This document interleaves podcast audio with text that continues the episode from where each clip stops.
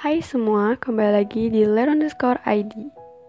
Hari ini kita bakal bahas tentang air putih. Tapi sebelum itu, di antara kalian masih ada nggak sih yang debatin tentang penyebutan nama air? Ada yang bilang kalau air putih itu seharusnya disebut air bening, karena warnanya bening. Kalau putih itu warna susu. Tapi setelah dipikir-pikir, gak semua susu itu warnanya putih gak sih?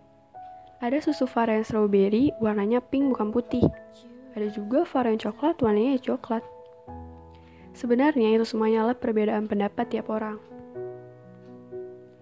Nah, bahas tentang air, air putih atau air bening yang sehat tentunya yang jernih dan tidak berbau dong. Jika dirimu memiliki hati yang tulus, selalu berpikir yang positif, dan tidak pernah pamrih ketika memberi, apalagi dalam berteman kamu berteman dengan siapa saja. Berarti cara hidupmu sama seperti air yang sehat, tidak tercemar dengan hal-hal yang negatif.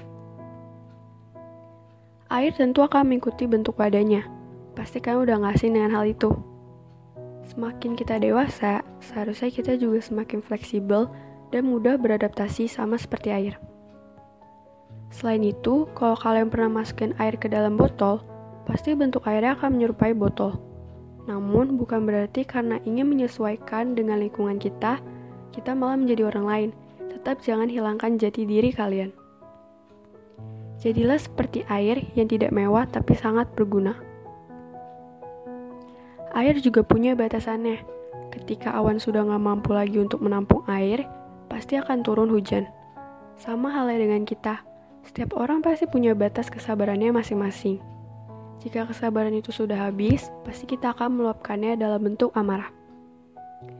Nah, ngomong-ngomong tentang hujan, ada satu quotes yang bakal mengakhiri podcast kali ini. Yaitu, mendung belum tentu hujan, sama dengan PDKT belum tentu jadian.